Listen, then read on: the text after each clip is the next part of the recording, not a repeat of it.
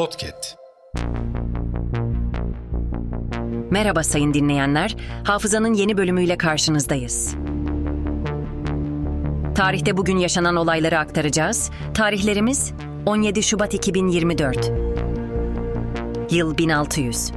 İtalyan filozof Giordano Bruno, aykırı görüşler savunduğu için Roma Katolik Kilisesi'nin Engizisyon Mahkemesi'nde yargılanıp sapkın ilan edildi ve Roma'da diri diri yakılarak idam edildi.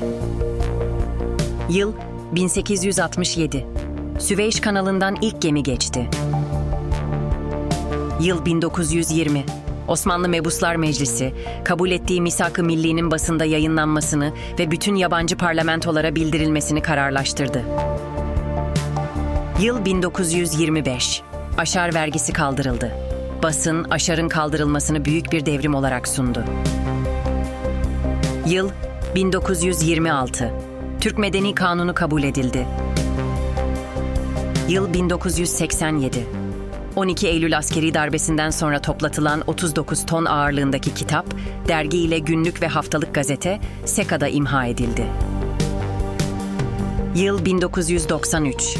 Jandarma Genel Komutanı Orgeneral Eşref Bitlis'in bulunduğu askeri uçak Ankara güvercinlik alanından havalandıktan kısa süre sonra Ankara Yeni Mahalle'deki PTT işleme merkezinin bahçesine düştü.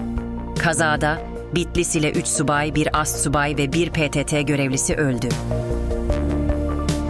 Yıl 2000. Microsoft Windows 2000 işletim sistemini piyasaya sürdü. Yıl 2008.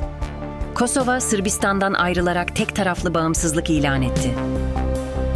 Hafızanın sonuna geldik. Yeni bölümde görüşmek dileğiyle. Hafızanızı tazelemek için bizi dinlemeye devam edin.